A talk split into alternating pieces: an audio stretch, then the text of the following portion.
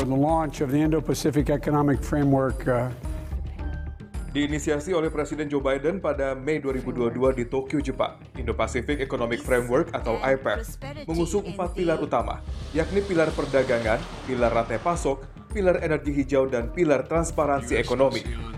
Negara-negara yang terlibat sepakat untuk memberantas korupsi, penghindaran pajak, dan meningkatkan transparansi dalam berbisnis.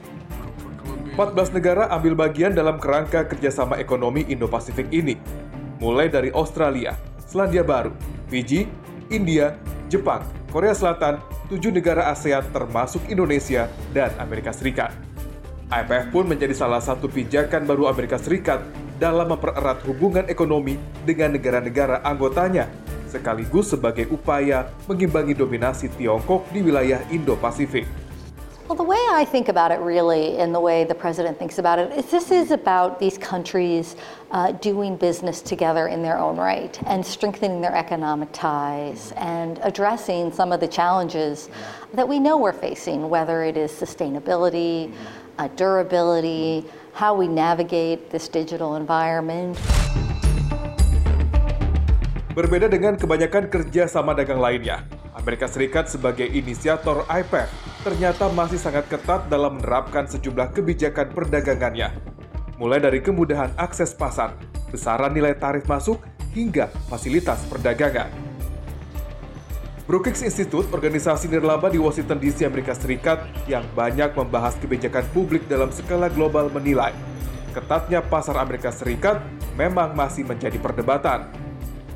I, I would like to still see that as an open question on whether that can be addressed.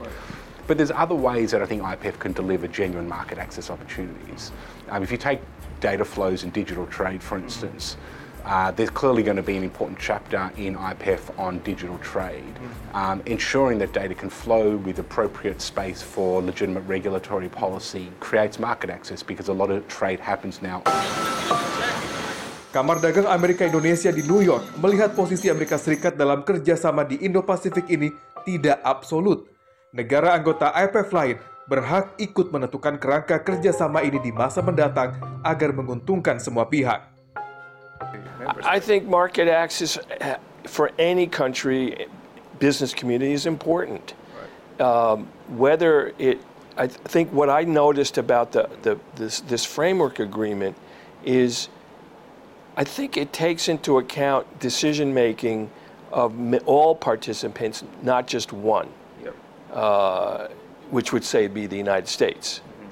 So, and I would characterize that as this is more of a consensus building mechanism right now. Sebagai negara yang memiliki peran besar di wilayah Indo-Pasifik, Indonesia diharapkan mampu menjadikan kerangka kerjasama ini sebagai lokomotif penggerak perekonomian nasional, termasuk aktif mendorong masuknya investasi dan insentif perdagangan ke dalam negeri. Ada IPF ini tentunya banyak hal-hal positif juga yang seperti saya sampaikan bahwa eh, apa untuk investasi itu lebih diarahkan ke negara-negara eh, apa eh, yang join ke IPF dengan memberikan mereka juga insentif-insentif kepada perusahaan-perusahaan di Amerika untuk investasi di negara-negara yang join IPF ini, termasuk di segi perdagangannya. Dan itu juga sudah dilakukan dengan mereka coba mempertemukan dengan pihak-pihak seperti contohnya yang mau investasi di microchip di Indonesia, apa di, di, di negara di luar uh, US, dan itu juga beberapa di, diarahkan untuk masuk ke Indonesia. Badan Pusat Statistik mencatat, Amerika masih berada di urutan kedua negara tujuan ekspor Indonesia pada 2021 di bawah Tiongkok. Total ekspor Indonesia ke Amerika Serikat pada 2021 mencapai 25,8 miliar dolar Amerika Serikat, lebih tinggi dibandingkan nilai impor pada tahun yang sama, yakni 11,25 miliar dolar. Ruli Kurniawan, Septedi Pradana, Amerika Serikat.